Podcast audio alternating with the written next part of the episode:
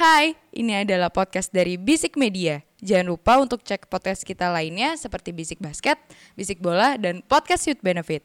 Oh iya, jangan lupa juga follow Instagram kita di @bisikmedia.id. Oke, selamat mendengarkan. Absolute tumble dryer football! utter humiliation. Oh, he's done it!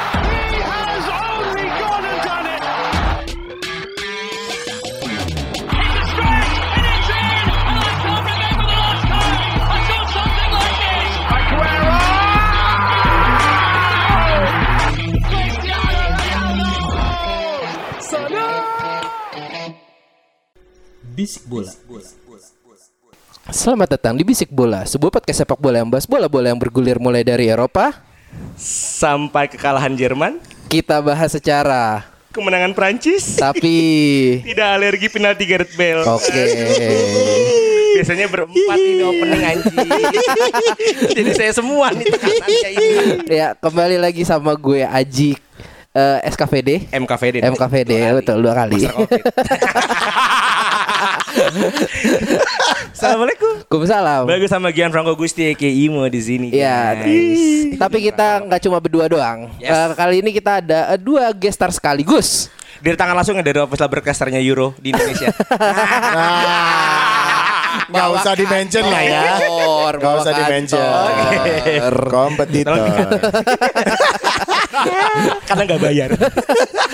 eh, perkenalkan dirimu tuan yang di sebelah sana. Hei, halo semuanya. Kenalin saya siapa ya nama samaran gue ya? Asli aja. Dead Air, Dead Air nih, Dead Air. Tolong. kenalin, kenalin gue, gue Umar. Oh, Umay, Umay, Umay dari Bandung. Iyo, iya, Umay Bandung ikan tenggiri. Somai. Oh, somai. beda tipis saudara-saudara. Boleh, boleh. Sama ada eh, satu lagi yang lebih proper dari Umay. abang, perkenalkanlah bang siapa dirimu bang. Halo teman-teman, eh, gue Didi. Hai. Ini suaranya paling bener nih, paling enak nih suara di sini. Oh, jelas. Amatir sama Pro Bit. Iya. Kita impor langsung dari salah satu stasiun radio. Respect. Berarti Umar nih harusnya pengetahuan bolanya tinggi ya? Harus. Harusnya. Tinggi pemancar nih. Boleh juga. Boleh juga. Gue bingung bridging masuknya gimana. Nggak, tapi eh, Euro sudah bergulir. Beberapa tim sudah masuk eh, di pertandingan kedua, sudah menyelesaikan pertandingan kedua. Beberapa tim baru akan berlaga di pertandingan kedua juga. Dan eh, dari hasil laga pertama match day pertama kemarin eh, cukup aneh ya hasilnya. Ada beberapa yang sesuai ekspektasi, tapi juga ada beberapa yang di bawah ekspektasi. Mungkin eh, Imo mau bahas apa dulu pertama, Mo? Dari grup A dulu deh. Dari grup A, Sang oke. juara kan Italia Oh. udah lolos dari grup kan. Ah, ah. Setelah seinget gue tuh tahun kemarin di 2018 gak lolos Piala Dunia ya. Ya. Seinget gue nih, seinget gue kan. Dan Italia ngebayar, ngebayar lunas sih menurut gue di, di Euro ini ya. Dua kali kemenangan 3-0 berarti. Ya 3-0 ya kan. Ya walaupun ke lawannya Turki ya guys. lawannya Swiss ya kalau nggak salah ya. Eh. Tapi tetap apresiasi lah. Oke. Dan juga menurut gue Itali di Euro ini skuadnya nggak elit-elit banget sih. Tapi kan karena ada dua pemegang trofi champion Eropa di sana kan. Ada Jorginho sama Emerson di sana kan. Jadi wajar fuck lah Itali bisa lolos. Respect, respect, respect. Jadi di sini sangat keklupan sekali ya eh, podcast kita. Subjektif. Subjektif betul betul betul betul Tapi betul. memang betul. diapresiasi sih eh, dua ya maksudnya Itali PR ke depannya harus regenerasi dari back sih. Oke. Mau kapan lagi pakai Bonicelli ini? Mau Iya sampai sih. kapan? Ah, mumpung ada Smith katakan aja. Tapi eh, ini kita ke Bang Didi dulu ya. Bang Didi Yuk, yuk. ini eh, seorang fans Itali. Iya benar. Padahal eh, pan- eh, analis kita yang satu lagi itu yang spesialis eh, spesialis Itali itu kemarin dia sempat apa ya namanya? Hmm, kira-kira nggak nggak expect lah Ya. performa Italia akan begini. Tapi Yup. menurut Abang gimana nih? Kok bisa begini Italinya? Kalau menurut gue sih sebenarnya emang dari fansnya sendiri itu wajar banget. Ah. Kalau fansnya sendiri juga nggak terlalu optimis sama pencapaian Italia di tahun ini sebenarnya gitu kan. Karena secara squad sendiri ya kita tahu lah nama-nama yang dipanggil juga nggak yang mungkin bukan top A lah karena kan Liga Italia sendiri juga sekarang udah bukan yang paling top di Eropa kan. Tapi memang kalau gua ngelihat pencapaian Italia yang kayak gini tuh istilahnya kayak well oiled machine gitu loh. Jadi Oke. maksudnya jadi secara tim ya udah kom, apa chemistry-nya kompak gitu kan. Terus justru kalau tadi dibilang backnya regenerasi ya mungkin ini adalah kilometer terakhirnya buat dua orang itu gitu loh. Ah, buat Chelsea Iya sama buat Bonucci ya Bonucci ya. ya kan. Betul, Jadi maksudnya justru mereka yang ngejaga keharmonisan gitu. Selain mereka ngejaga pertahanan, ngejaga keharmonisan timnas juga Oke. yang mungkin rata-ratanya usianya juga muda sih. Sangat Gitu muda. paling menurut gue sih. Terima kasih Bentar Milan ya. Banyak. Kalau lu ada Smith. Kalau lu sendiri gimana Mar buat Itali Mar? Lu kan Itali tuh Itali banget nih. Ini ini Iya, buat iya. buat gambaran pendengar Oke. Umar ngetek ini jersinya Itali nih. Benar. Umar Ji. Okbona. Memang sengaja episode kali ini gue dedicate pakai jersey Itali. Yoi. Karena memang mau bahas Itali gitu. Eh, Mantap. Oke, tapi eh, sebenarnya benar juga sih Ka- kalau ngelihat dari secara line up squadnya Italia yang sekarang juga gue ngelihat eh, banyak pemain yang ya bener-bener kata Didi tadi eh, bisa dibilang adalah bukan pemain yang benar-benar superstar banget, bukan yang pemain kunci sih ada beberapa gitu kayak kayak Immobile, Insigne itu kan ada pemain-pemain kunci ya di timnya masing-masing gitu. Eh, dan benar regenerasi back itu menurut gue perlu Eh, karena kita ngomongin Italia itu eh kalau kemarin-kemarin yang gue lihat eh, Italia itu secara regenerasi masih belum se super kayak Jerman. Ya, betul. Gitu kan kita tahu Jerman tuh regenerasi luar biasa gitu kan.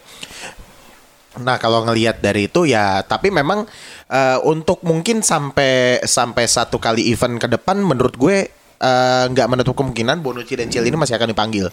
Piala Dunia 2022 berarti. Iya, Benar, karena menurut gue ya itu tetap masih harus ada figur senior di tim Italia yang bisa ngejaga tempo dan juga ngejaga tim secara keseluruhan sih. Oke oke oke oke itu kayaknya buat Itali di situ aja. Cukup lah. Kira-kira jauh nggak nih menurut kalian langkah Itali?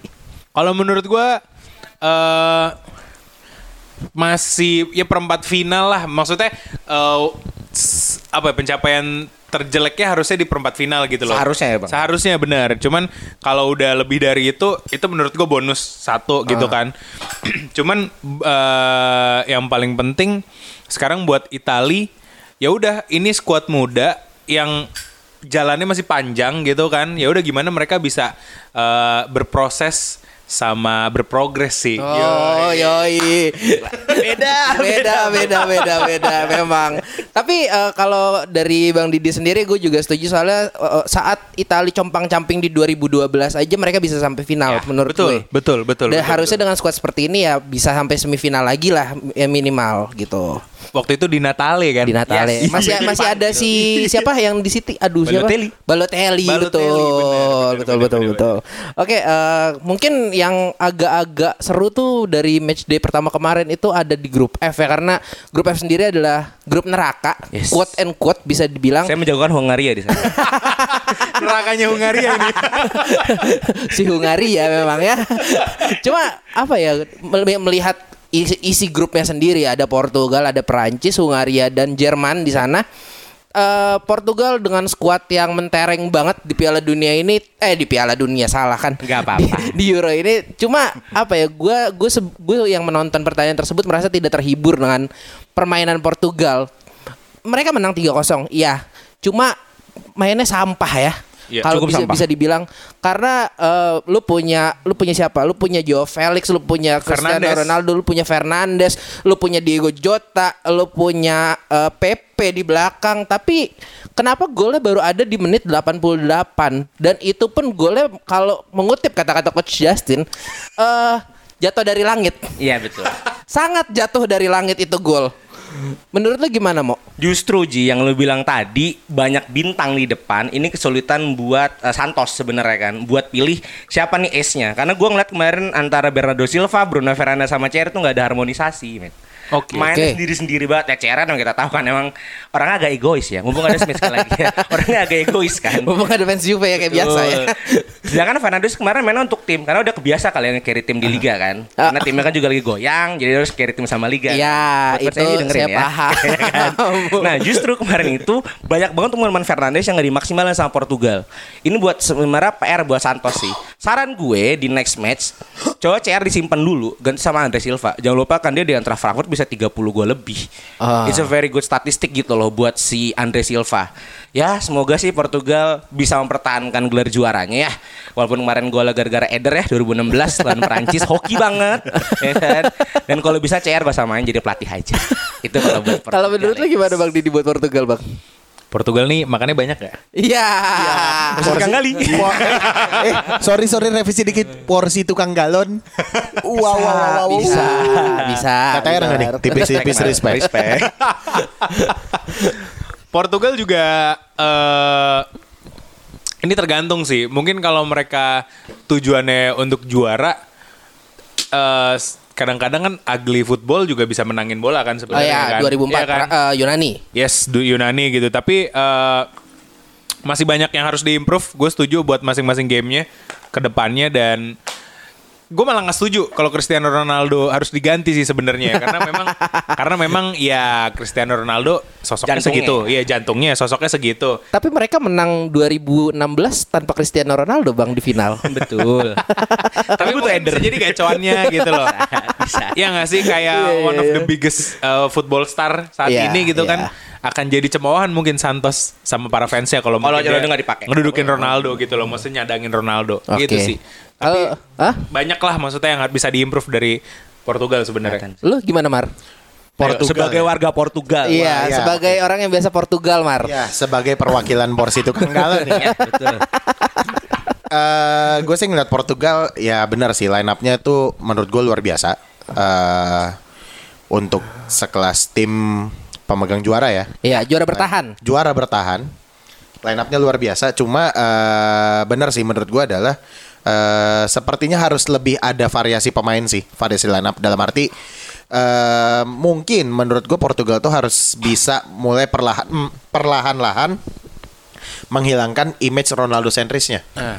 Karena Jangan sampai ke Argentina. Benar. Sentris. Karena eh, benar menghindari case-nya Argentina gitu. Itu satu. Yang kedua adalah eh, Ronaldo pasti akan ada masanya di mana dia udah nggak top performer sih. Gitu. Jadi eh harusnya sih dengan line up yang sekarang ya tanpa memperhitungkan Ronaldo itu menurut gua adalah line up yang cukup berkualitas sih, yang cukup bisa berkompetisi. Tapi ya itu image Ronaldo sentris harus dihilangin. Mungkin emang digaji, tapi yang satu diapresiasi, gue suka banget ngeliat Pepe kemarin. Oh, iya, lebih santai, lebih wise ya karena Eh, umur nggak bohong kali guys. Nggak kenceng ya, Bisa. nggak kenceng ya. ngotot Pe- banget. Pepe tidak tackle sana sini lagi seperti waktu dia masih di Madrid. Karena emang udah ada bocah ajaib kan, Ruben Dias. Ruben Dias, ya, betul. Tapi juga kabar buruk, Joe Cancelo cedera Ah, sehingga harus oke. keluar dari squad dan itu sama pemain favoritnya Aji kan Diego Dalo kan. Iya kan? The best RB in the world ya kan Diego. Aduh. itu saya tidak bisa membela diri ya di sini ya. Karena pemain AC Milan aja. Iya. Udah bukan MU lagi. Tapi yang yang harus di, eh, yang harus syukurin ada seorang back yang sembuh kan dari Barca pindah ke Wolf Ah. Nathan Semedo. Iya, itu Semedo. sembuh gitu loh. Balik lagi jadi pemain yang bisa di bisa diperhitungkan lah. Tapi Semedo kemarin Iya, kan, eh, not not very good juga. Ah, Ya seenggaknya Iji daripada Diego Dalo. Iya iya. Kita iya, mengharapkan iya. Semedo, Iya ya iya kan? iya. Oh dia gue pernah di MU ya? hmm, pembela sensasional itu. Aduh, saya tidak ngeh. Saking tersembunyinya. Nah, tapi kalau kalau kita melihat performanya Portugal kemarin, ini kan kalau mereka masih bermain seperti itu kan ketika ketemu Prancis atau ketemu Jerman, ini mereka bisa dibantai sih. Apalagi ketemu Jerman sih, Ji. Karena ada Oh. dua pemegang champion di sana kan. Tiga lah. Ngepet. Dibahas lagi. Gak jauh-jauh kayak Havertz deh. Agak agak agak. Kayak Havertz, Timo Werner yang sama Rudiger. Rudiger. yang nggak berguna dan diganti Leroy Sané itu ya baru baru Jermannya jalan itu ya kemarin ya oke Emang ya, kayak Havertz ya. bangsa. Havertz bangsa. cuma ya meskipun dengan skuad mentereng seperti ini Portugal harus har- hati-hati lah sebenarnya dengan apa dengan dengan cara bermain mereka kemarin di mana pemain depannya nggak ada yang mau track back tengahnya tuh Betul. kelihatan kosong kayak apa ya musola di 10 hari terakhir puasa ya Ya Allah. Dari luar kosong, tapi ketika di dalam banyak yang tiduran. yang istiqomah kan banyak kan kalau Iya iya iya iya iya iya iya. itu sih kalau buat Portugal nah eh, apa sat- em, kita membahas apa lagi nih kayaknya tim Satu grup lagi aja, F lagi aja. Set- F lagi. Jerman sama Kita Prancis. mau bahas Jerman Prancis. Aduh, Jerman Prancis ini eh, subjektif gue ya. Subjektif gue itu pertandingan yang sangat menarik di mana kedua tim ini berma- total berbeda cara bermainnya.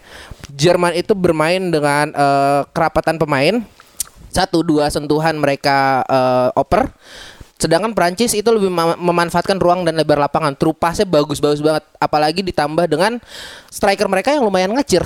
Benzema eh, sama ya si si anak ajaib itu. Mbappe. Mbappe. Katanya kalau menurut lu gimana mah? Mo?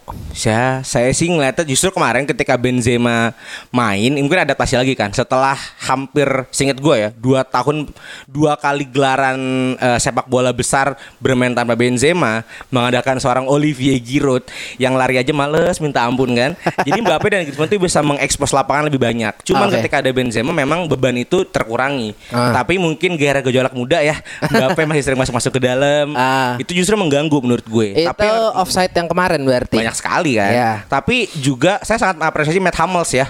Gol sangat bagus sekali itu Matt Hummels Tidak mungkin terjadi lagi Karena gol bunuh diri terbaik Matt Hummels guys Ya? Sebuah umpan dari Lucas Hernandez Ditendang langsung Mungkin Hummels merasa Kayaknya ini main Munchen kan sama-sama Munchen Iya, iya, iya. Teman setim nih Bisa, bisa, bisa.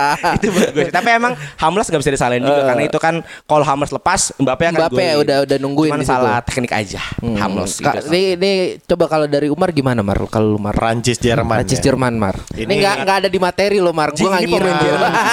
Jonathan juga tuh. anjir anjir improve. Eh, Prancis Jerman menurut gua adalah dua tim yang cukup punya prospek menjanjikan ya untuk Euro 2020 ini. Iya. eh Jerman balik lagi, gua benar-benar sampai sekarang gua masih respect banget sama Jerman dengan regenerasi yang luar biasa. Benar-benar mereka memang unggul banget untuk regenerasi. Prancis juga eh, dengan Griezmann dan Mbappe yang Mbappe adalah pengganti dominasi Ya, Messi, Ronaldo. Ronaldo Messi ya. Ya. Kalau ngelihat dari lini depan ini sama-sama luar biasa sih menurut gue. Oke. Benar-benar sama-sama menjanjikan. Eh Giroud juga ya Giroud ya gue sih no wonder ya karena Giroud memang adalah tipikal target man yang Ya, ya, benar-benar yang males banget ngejar bola, benar-benar cuma terima dan finishing gitu. Ya, belum lagi kita ngelihat Neuer ya dengan konsistensinya.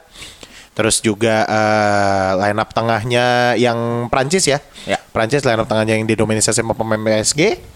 Menurut gue kebanyakan seru aja sih kayak ya hampir-hampir ngeliat Champions lah. Ya, tapi dari tadi kayaknya Bang Didi sudah eh, agak tidak sabar ya udah ketawa-tawa sendiri dari tadi semenjak bahas Jerman sama Prancis. Apalagi Mat, Mat, Mat Hummels tadi. Ke- kenapa Bang? Kenapa?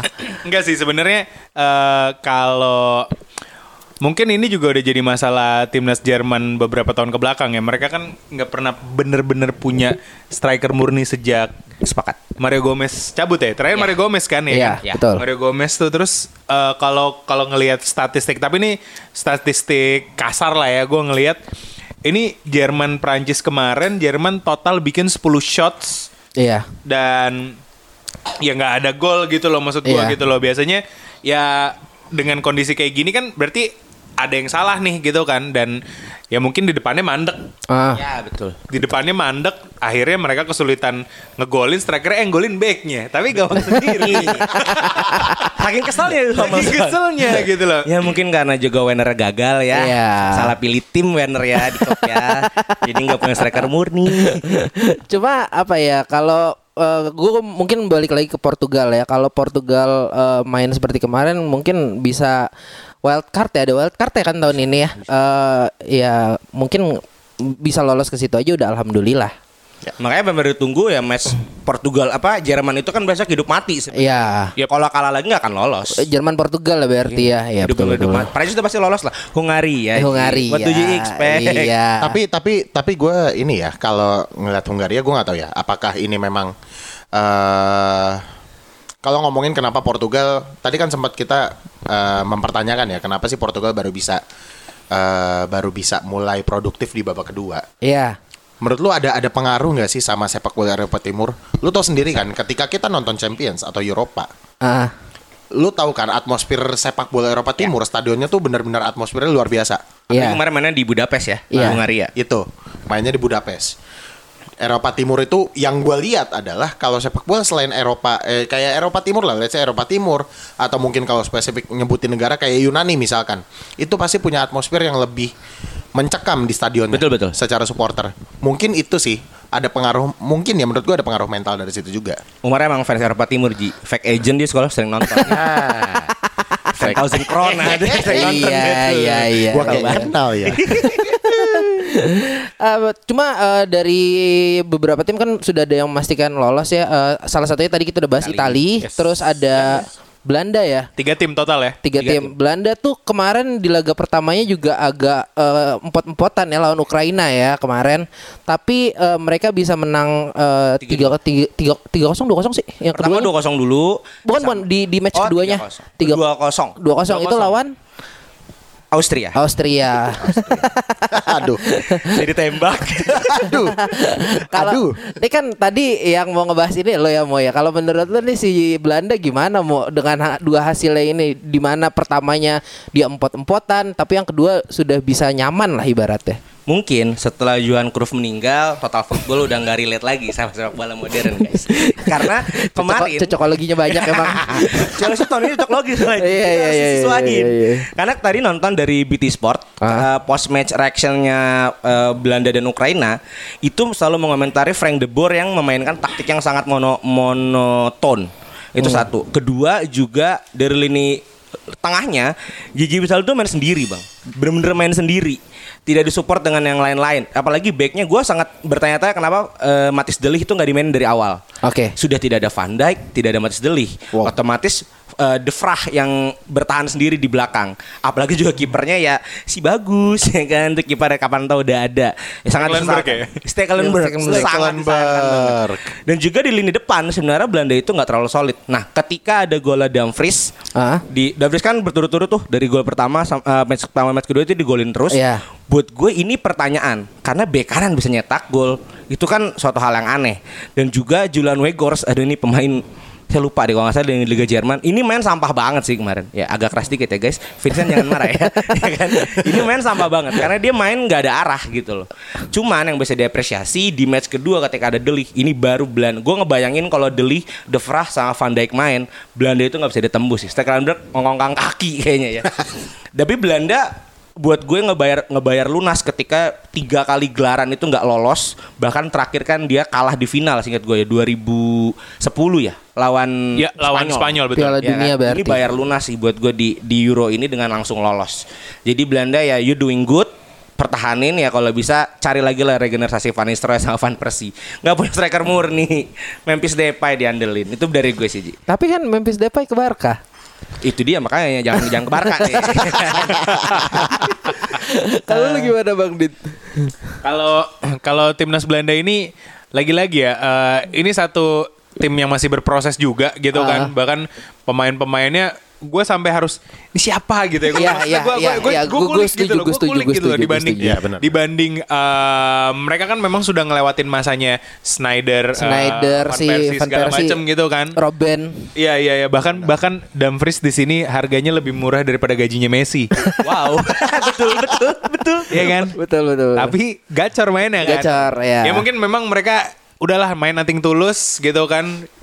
Eh ini satu prestasi yang udah oke banget mereka lolos dari tim dan gua menurut gua Belanda layak jadi tim kuda hitam sih bener sebenarnya. Wow, Wah. malah jadi kuda hitam ya Bang. Iya, iya, iya. mantap juga nih Karena memang ya nating tulus aja udah main main main main main gitu loh. Ekspektasi juga nggak tinggi tapi pencapaiannya so far oke ya. So far oke oke. Mungkin yang nih Geji Mungkin Ah. juga Belanda bisa regen Karena kan Ajax efek Tiga tahun lalu ketika membuat Champions semifinal League. berarti. Iya yang ada Yang kalah lawan Tottenham gol beruntung itu. Trio trio ini ya Trio Belanda yang terkenal dengan Van de Beek Dulu kan ada trio tulip Ah. Sekarang ada Van de Beek De Ligt sama De Jong Sama dia. Iya Cocok lagi-lagi aja Cuman sayangnya kan Salah satu dari trio itu kan Bermain di tim yang salah ya Delih kan, Oh, delih, Van de delih, Salah pilih tim loh menurut saya Cuma harusnya Belanda Ya bisa lebih baik lah Iya, Oke. mungkin ya itulah. eh, mungkin kalau menjawab lu Denzel Dumfries itu kenapa eh, bisa bagus kemarin. Menurut gue dia eh, positioningnya bagus. Ya, itu ke gol kedua lawan Austria itu dia tiba-tiba nongol dari kanan. Oke. Nah itu juga karena eh, dia ngacir juga. Ya udah punya explosive power yang bagus dan eh ya bisa baca ruang aja. Eh, as simple as that. Dia bisa main jadi back dan pivot yang bagus. Mungkin Yep. eh sekelas TAA kali ya. Bisa Cuman semoga lebih stabil pada TAA ya Kan buat kontraknya sampah soalnya. Kalau bisa sekelas Rhys James lagi Eh, mohon maaf nih. Bukannya gimana gimana. Aduh. Anda bercanda. Sekelas Rhys James Pemain muda Tapi dengan dengan apa ya? Dengan udah berjalannya hampir setengah match ini ya buat grup stage-nya. Kira-kira be- tim yang bakal mengejutkan yang kira-kira menjadi kuda hitam yang bisa lolos ke em, apa ya namanya ke knockout stage ini kira-kira siapa ya atau siapa yang bisa melangkah jauh? Mungkin dari Lumar? Wah, kuda hitam ya. Iya. Hmm. Kalau ngelihat Kuda hitam Mar, kalau lu hitam. Iya. oh, wow, wow, wow. BLM, hashtag BLM. hashtag BLM. Respect. Oke, kalau ngomongin Euro dengan kuda hitamnya, sebenarnya banyak tim sih yang menurut gue cukup menarik ya, cukup menarik dalam arti kayak eh, tim-tim yang mungkin orang ngeliatnya lebih apa ya eh, underrated lah atau gimana ya. Eh, mungkin gue bahas satu ya, gue bahas satu coba eh, Ukraine. Ukraine, oke. Ah, gue bahas Ukraine kenapa? Karena eh Ukraine so far mereka punya historical yang bagus untuk di kualifikasi kemarin mereka unbeaten. Iya, betul. Ya kan? Mereka unbeaten di kualifikasi bisa leading 3 poin di atas Portugal. Terus masuk ke grup juga dengan dengan step awal yang bagus sih menurut gue ya. Mungkin dipengaruhi sama eh Shevchenko ya. Ya, pemain yang dulu biasa kita mainin dia jadi pelatih. Nah, ketahuan umur kita. ya. Kalau Kita kalau mainnya masih winning eleven ya, bukan betul, FIFA ya. betul. Winning ya. Eleven PES 2. Seva di Milan kan? Iya. Betul sekali. di Chelsea kan? Bukan. Kalau Seva di Chelsea eh, eh, ya sudahlah, nggak usah dibahas ya. ya, gue gue gue sih ngelihat Shevchenko tuh eh, udah punya pengalaman yang cukup dalam ya. Maksudnya di di beberapa kompetisi-kompetisi Eropa gitu kan. Dia juga langganan juara Champions dengan Milan ya. Iya, dulu. Dia predator di Liga Italia pada masanya. Kalau Umar predator Tinder. Aduh, aduh, aduh.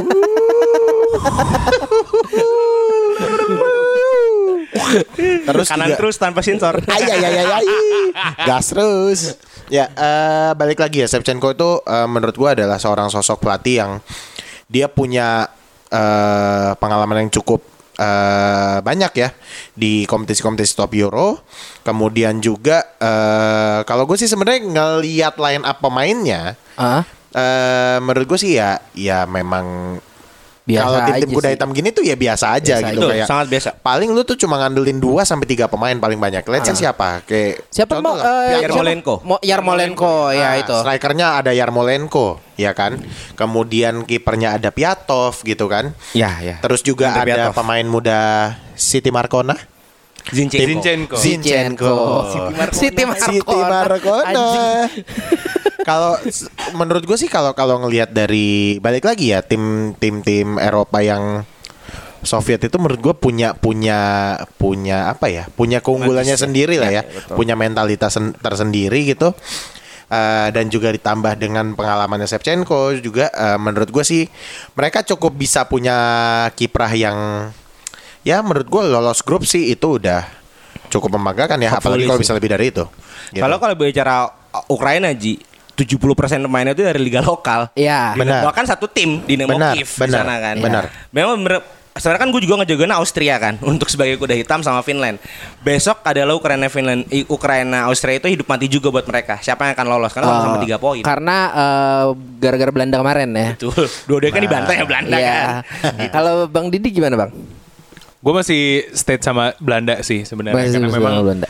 eh, kalau kita berbicara ya gue nonton bola mungkin awalnya timnas siapa yang gue ikutin oh Belanda sih sebenarnya kan oke. cuman memang eh, ya ngelihat sempat nggak lolos di pegelaran Euro dan Piala Dunia berapa berapa tahun terakhir kok kayak agak kurang ya Belanda gue mulai Ah. mencari akhirnya ada Italia tapi kayaknya ngelihat progresnya dari pemain-pemain muda Belanda di tahun ini gue layak menjagokan Belanda untuk bisa uh, berbicara cukup banyak sih di Euro 2020 kali ini. Amin. Kalau lu gimana mau? Gue sebenarnya benar Finlandia sih. Karena eh, ketika match pertama lawan eh, Denmark, ya walaupun ada insiden ya, Ah. eh, yang Ah, juga ah. kesedihan untuk fans bola kan, dia bisa menang. Kemarin ketika melawan Oh, lawan Rusia, dia sempat cetak gol di menit keempat, tapi dianulir. Di situ mentalnya jatuh. Oke. Nah, buat gue ketika sebenarnya besok lawannya Belgia cukup cukup berat buat gue. Oh. Tapi kalau bisa lolos, Temu Pukki harganya bakal naik sih gue yakin sih. Karena ya, cuma ada dua eh, sih Enggak, sekarang enggak, enggak, Temu. enggak. Lu lu ngebahas Puki karena lu konotasinya beda di bahasa Indonesia bener, anjing. bener aja. Kono- lu, lu, Oh, itu itu gue kan. Iya betul. Betul ya. Bugis. karena konotasinya beda. Lu, lu, lu, lu udah sering lo begitu anjing. Tapi ini bener. Karena ketika lihat Finlandia main tanpa ekspektasi dan gue selalu melihat Euro itu selalu punya fairy tale. Islandia pernah ada Yunani. Gue berharap Finlandia the new fairy tale sih. Yang tadi kan gue pengen Norwegia ya. Tapi Ya. nggak lolos kan. Ah. Gue pengennya Finlandia jadi fairy tale. Norwegia juga berarti si itu ya Halan ya. Halan Wasahlan Iya, kan. iya, betul. Maksud gue ketika Finlandia Ada pemain Arsenal tuh. Siapa bang? Odegaard. Odegaard. Oh betul, statusnya dari Arsenal ya guys. Ya Allah, Arsenal. Kawal terus Arsenal guys. Nggak, Karena Bang Didi ngomong Arsenal ya. Iya. Gue gak heran nonton pertama Belanda. Pasti zamannya Bergkamp. Iya. Karena itu langkah-langkah pada Arsenal tuh. Zaman-zaman invincible berarti. Oh, iya. Zamannya Bergkamp. Lanjut lagi Finlandia Eh. juga karena gue suka banget sama kipernya. Itu kiper uh, best Bergen sih, Radeki. Hmm. Jadi gue banget Finlandia lolos, ya Belgia kan udah lolos ya. Kalau bisa ngalah sih, biar Finlandia lolos. Oke. Gue. Tapi kayaknya eh, lu udah bahas tadi kayak kita enak bahas Bang Didi dan Arsenalnya dulu nih. Boleh. Iya, ini dia. Gue suka nih soalnya Apakah pertanyaan pertama Bagaimana melihat Arsenal 10 tahun terakhir Iya sekali sekali sekali Coba bang itu bang Kayaknya bagus tuh pertanyaan 10 tahun terakhir Arsenal bang Ya ya gue bisa relate lah MU juga seperti Iya, itu iya, Gak iya, usah iya. malu bang Iya, tenang aja. Ada yang senasib kok sama lu. Iya Tapi MU kan 2012 masih juara EPL kan. Betul. Iya Betul. Gue juga juara FA gue. Iya. Spesialis Nggak mau kalah ya, nggak mau kalah. Kalau Arsenal sih eh, intinya gini, kalau gue sering bilang ketika one day Arsenal jago lo jangan bilang gue karbitan udah itu aja. Buset Ini sadis ini ini statement sih. Ah. What a statement menurut gue. Tapi menurut lu bang dari dari skuad Arsenal tahun ini yang kurang apa bang buat dibenahin tahun depan kan Pelatih, ya. Ini kan apa eh, jangan jadi provokator ya tolong ya Kurang doa. tolong kamu kan mengingatkan ya ini pilihan pemain scoutingnya kan lu nggak harus eh, ngeliat setahun ke belakang karena ada Euro juga biar scouting lu bisa lebih cepat buat ganti pemain atau ya Arsenal kan duitnya banyak bang Aduh. gimana tuh bang Kalau dibilang kurangnya apa? Ya kurang semua lah itu. Gue udah di titik jujur. lo ngecengin gue soal Arsenal, ya gue Eh, bisa terima gitu. iya, Kayak iya, emang iya. sejelek itu gitu. Iya iya, berarti sama kayak kita ngomongin Maguire ya biasanya Yes. sampai sampai Iya. gue offend eh, udah nggak offended lagi. Iya iya iya. Tapi gue pengen Arsenal bangkit sih Biar kayak Liverpool sih Iya. Tapi cuma 2 tahun aja Biar London tuh biru aja Ya. Ma- males gitu bang kapan liat, sih? ngeliat Tottenham yang di atas gitu. Padahal kita punya mutual hatred di sini dengan Tottenham gitu loh. Ya sebenarnya juga gue setuju pelatih sih sebenarnya. Arteta tuh Arteta. selain toko bajunya yang sama sama Pep dia nggak punya kesamaan yang lain gitu loh. Bener juga Bajunya sama kan, mirip-mirip Iya, kan iya, dia iya. kan. Tapi eh, tactic wise lu belum belum puas melihat Enggak, Arteta. belum. Samsek, samsek. Gue gak samsek nggak puas sama taktiknya Arteta. Cuman memang eh selain taktik yang kurang dan eh, kegagalan yang paling gede dari Arteta adalah dia tuh kurang bisa bikin pemain Arsenal mau main buat dia gitu loh. Oh, iya, maksudnya maksudnya banyak pelatih hebat yang ya sebenarnya dia biasa aja. Contoh nih, sorry. Maksud gue Zidane. Zidane tuh biasa aja sebenarnya Emang secara taktik. biasa sekali. Ya kan, tapi maksudnya dia punya pemain di Madrid yang bagus dan menurut gue karena Zidane juga dasarnya adalah legend Madrid, ya pemain respect gitu loh. Makanya mereka mau main buat Zidane gitu. Nah, ini Arteta Arteta tuh enggak satu. Sebenarnya kalau ngomongin musim lalu, awalnya Arsenal kan startnya gue lupa deh jelek apa bagus ya. Pokoknya intinya sempat ada eh, kalah-kalah-kalah beruntun. Iya, terus di awal, sempat ada bounce back gitu loh, di- di- di pertengahan Iya, Desember pertengahan kemarin, sempat ya. ada bounce Ah. back kan. Itu kan memang eh, kayaknya gue ngelihat oh ini kayak pemain mulai respect sama Arteta gitu. Mereka mau main buat Arteta tapi akhirnya nggak bisa dijaga. Ya udah. Arsenal just being Arsenal gitu loh. Nggak, tapi, tapi ngomongin kayak gitu ya bang ya. eh, ini berarti sudah sebuah permasalahan yang berkelanjutan semenjak si siapa sebelum Arteta. Eh, Unai Unai Emery. Emery. Evening, Good Evening. Good Evening. Si, si bapak Good Evening yang, yang lima kali masuk final Eropa empat kali menang itu ya. Wih, respect. Nggak menang ya sama siapa waktu itu? Portfolionya bagus ya. Itu karena Sari sih Oh, Itu karena Sari Oh. Eh, ta- tapi Karena Emery sih sebegitu butuh sosok bapakkah di Arsenal setelah ditinggal eh, sang profesor ya bang ya? Iya. Arsenal Wenger Iya. Arsenal Wenger. Arsenal Wenger. Gue kira dulu pas kecil Arsenal Wenger nih jangan-jangan namanya dia Arsenal yang yang bikin. bikin. Iya, iya, iya. Iya, iya, Betul, betul pikiran zaman muda gitu. ya apa ya maksud gua Arsenal masih akan cukup susah sih kalau dengan kondisi apa ya pengelolaannya yang kayak sekarang gitu loh maksud gua si ownernya Stan Kroenke ini Kroenke, ah. Stan Kroenke nih dia tuh kayak nggak pengen invest di Arsenal gitu loh sebenarnya Iya, gitu iya. loh meskipun Arsenal sendiri secara keuangan sebenarnya sehat gitu kan mungkin Sehat. mungkin kalau lo bisa ngeliat lagi nanti boleh dicek gitu beberapa tahun ke belakang eh keuangan tim-tim Eropa nih yang ijo cuman Arsenal, Arsenal, doang Arsenal. gitu loh ya kan cuman Arsenal doang tapi memang gua nggak ngerti deh Kroenke yang jelas dia punya klub Tampa Bay Buccaneers di NFL tuh Iya, Nah, betul. Yang gue tahu duitnya banyak yang ngalir ke sana sih gitu loh Kroenke. Jadi Arsenal nih nggak tahu cuman buat duit cuman buat nyuci duit atau apa gue Manajerial berarti ya yang harus Iya, berubah. iya, iya, Persis iya, kayak iya. masalah Liverpool kan. Ya, betul. American owner sukanya kayak American sport. Betul. Liverpool betul. dan ya United juga begitu Oh, pak. iya, ya. Untungnya kan uh, Glazer sama itu juga cabut tahun ini. Sorry gitu sorry, loh. Eh, Stan Kroenke Los Angeles Rams, Glazer yang Glazer, Tampa Bay. Buccaneers ya kan, Ah. sorry. Sorry, Gitu. ownernya Rusia lah. Bagus itu. Lu kayak gara-gara transfer band doang kemarin. Tapi Arsenal no wonder sih keuangannya sehat karena jadi sa- salah satu stadion yang tiket nontonnya paling mahal. Iya, salah satu termahal. Nah, itu. Cuma apa ya? Ya mengingat dia sering mencetak pemain-pemain bagus untuk dijual lagi tuh eh, kayaknya belum belum nyampe pada tahap itu ya sekarang ya, Bang. Barcelona Factory. Yoi. La Masia Incorporate.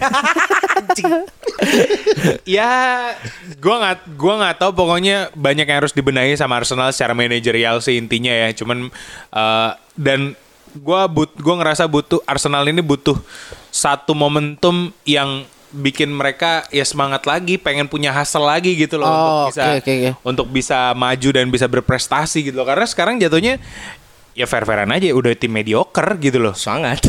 Iya, iya, udah iya. tim mediocre gitu loh London. Iya, gua sama iya. Leicester udah kalah. Eh maksudnya Iya udah udah sih. ketinggalan gitu loh pencapaiannya. Oke, oke, oke, ya. Halo teman-teman bisik bola, Eh, senang banget bisa ngisi lagi walaupun via direkam duluan sebenarnya karena kembali gue belum gak bis- belum bisa datang ke tempat rekaman. Jadi, oh ya sebelumnya gue Panji, eh, salah satu caster dari bisik bola. Sorry banget, hampir sebulan ini gue nggak ngisi karena satu dua hal.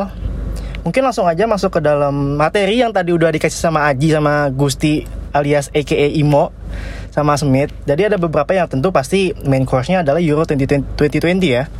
Oke, yang pertama adalah kemenangan eh, Portugal 3-0 kemarin. Sebenarnya kalau dari input dari Aji sama Gusti, Portugal tuh mainnya nggak ada spesial-spesialnya men. Mainnya jelek tapi kok bisa menang 3-0. Nah ini, kalau menurut gua ini adalah perbedaannya Spanyol sama Portugal. Yes, Portugal nggak menguasai pertandingan, nggak control the ball. Beda sama Spanyol yang bener-bener megang waktu lawan what? Mereka lawan siapa sih gue lupa deh. Nah tapi yang satu uh, kontrol bola tapi depannya Morata, yang satu nggak kontrol bola tapi depannya Ronaldo. Seperti itu. Dan kembali ini yang bisa dibilang namanya goats ya akan selalu menjadi goats gitu. Ronaldo yang menjadi bisa dibilang hmm, faktor X-nya. Dua gol walaupun even though satunya penalti ya. Cuma kalau lo lihat gol terakhirnya tuh keren banget sih. Memang agak agak tipis ya dengan offside tapi untuk punya calmness untuk punya precision kayak gitu itu udah bener-bener next level lah gue nggak nggak kaget kalau misalnya emang memang Portugal mainnya jelek cuma di saat lo punya striker yang keren banget di si Cristiano Ronaldo yaitu eh, sisi poin sisi plus lo seperti itu guys. Itu mungkin gue singkat aja ya kalau buat Portugal ya. Kemudian yang kedua adalah Dark Horse di Euro 2020 ini ya. Kalau menurut gue sebenarnya untuk Dark Horse pasti akan selalu ada di tiap eh, di tiap turnamen kayak gini ya. Kalau kita ingat tahun 2010 ada James Rodriguez yang tiba-tiba menjadi bintang dalam waktu sebulan lalu kemudian formnya turun banget. Kalau misalnya kita lihat dari first round kemarin minggu kemarin untuk penampilan yang agak bisa dibilang eh mengejutkan gitu ya. Menurut gua memang ini negara-negara gede ya, gue bilang eh, footballing nation at its finest. Tapi kalau kita lihat komposisi pemain, prestasi dia di beberapa pertandingan terakhir di di Euro sama di Pildun kemarin ya, nggak spesial-spesial banget adalah Italia menurut gue. Kenapa? Dua pertandingan ini mereka menangnya, men, mainnya keren banget. Orang kalau nggak nonton seri ya nggak akan tahu siapa sih Locatelli, siapa sih yang megang petengahnya Italia, kayak gimana sih nah. Yang akan gue sorot adalah seorang Ciro Immobile. Kalau mungkin orang awam ya nggak orang awam sih sebenarnya, kayak penonton sepak bola yang casual casual aja yang nggak terlalu memperhatikan banget liga dia kan nggak tahu kalau misalnya Ciro Immobile itu sebenarnya formnya 2-3 musim terakhir tuh gila banget di klubnya dan dibuktikan kembali di Euro ini emang formnya lagi naik banget uh, gue nggak akan kaget kalau misalnya Italia bisa go all the way sampai semifinal teman menurut gue akan ada ada faktor X di situ yang menurut gue mungkin batasnya sampai sampai situ aja kali ya kalau Italia ya. Mungkin itu Dark horse kalau menurut gue uh, Tolong Smith jangan senyum-senyum. Gue tahu lo bener-bener masih megang Itali. Gue tahu lo tahu banget yang namanya seluk beluknya Itali. Tapi tetap kita bisa uh, acungi jempol Apa yang dilakukan oleh Roberto Mancini so far di Euro 2020 Kita lihat aja nih Seberapa jauh sih Roberto Mancini bisa membawa tim Italia di petan di perjuangan tahun ini. Seperti itu. Kemudian untuk Nah ini kan bisa dibilang gue Gusti Aji kan Punya mini segmen yang namanya Hooligans Corner ya Nah, gue mau bahas Inggris sedikit. Um, gue masih nggak yakin kalau misalnya Gareth Southgate itu punya kualitas yang sangat besar untuk membawa Inggris menang apa pun. Mau Euro ke, mau Pildun ke, mau apa ke. Karena gue nggak lihat dia punya revolutionize permainan tim Inggris. Gue nggak lihat itu. Ada beberapa uh, pilihan yang menurut gue agak questionable. Kenapa seorang Gareth Southgate lebih prefer sama uh, Kieran Trippier yang udah jelas banget dia posisi aslinya sebagai kanan kemudian ditaruh di kiri. Gue paling nggak suka sama uh, pemain yang bisa dibilang ditaruh di left back tapi dia harus muter badannya buat kembali ke kaki kanan kemudian baru bisa crossing. Beda kalau misalnya lo punya left back lo mau kiri juga langsung bisa. Nah dia kan punya dua opsi ya. Emang kita tahu Inggris uh, opsi untuk left backnya sangat sangat minim. Beda sama right back yang bener-bener kaya banget ada Ben Chilwell ada um, Luke Shaw gitu. Menurut gue memang dua dua pemain ini nggak yang mentereng-mentereng banget di klubnya. Uh, si Chilwell ya menang Liga Champion tapi menurut gue nggak soli dari dia gitu nggak terlalu revolusioner Chelsea juga gitu. Tapi tidak ada salahnya menggunakan service left back murni untuk ditaruh di kiri seperti itu. Dan kemudian penggunaan apa ya double pivot kalau menurut gue kemarin tuh ada tapi untungnya mainnya bagus ya Calvin Phillips ya itu mainnya bagus banget cuma gue masih apa ya kurang sih kalau menurut gue tentu Harry Kane akan tetap undroppable. Kalau gue jadi Gareth Southgate gue akan menaruh tiga di depan tiga di tengah uh, satu holding. Gue akan naruh um, either Jordan Henderson atau uh, Calvin Phillips. Cuma kalau untuk saat ini kayaknya gue lebih prefer ke Jordan uh, ke Calvin Phillips dan Jordan Henderson. Gue taruh ke agak ke depan. Menemani seorang Jack Grealish. Kalau buat Bellingham belum lah masih muda gitu kan. Nah di depan bisa bilang bisa lo kiri bisa naruh Sterling bisa naruh Rashford. Kalau di kanan ya lo naruh Sancho sih. Gak no other option kalau menurut gue. Nah untuk timnas Inggris menurut gue nggak akan jauh. Mungkin sama kayak Italia. Karena pada dasarnya emang setiap peta, uh, perjuaraan yang diikuti sama Inggris itu yang hype cuma medianya doang men. It's coming home, it's coming home. I don't think it's coming home uh, this year kalau menurut gue seperti itu. Uh, kemudian hmm, transfer ya. Transfer menurut gue kayaknya belum ada yang anget anget anget deh. Kita tunggu aja. Kalau misalnya ada kayak pemain jebolan dadakan kayak Hames atau siapa pun itu yang harganya akan nih kita lihat aja kayak gimana bentukannya seperti itu. Dari gue paling itu dulu kali ya. Sehat-sehat terus buat teman-teman gue buat pendengar bisik bola thank you banget udah dengerin kita. Uh, terus dengerin kita follow-follow akun sosial media kita. Dengerin juga uh, podcast-podcast kita yang lain bisik basket podcast with benefit Uh, kalau gitu dari gua gua Panji signing off. Good night, selamat istirahat.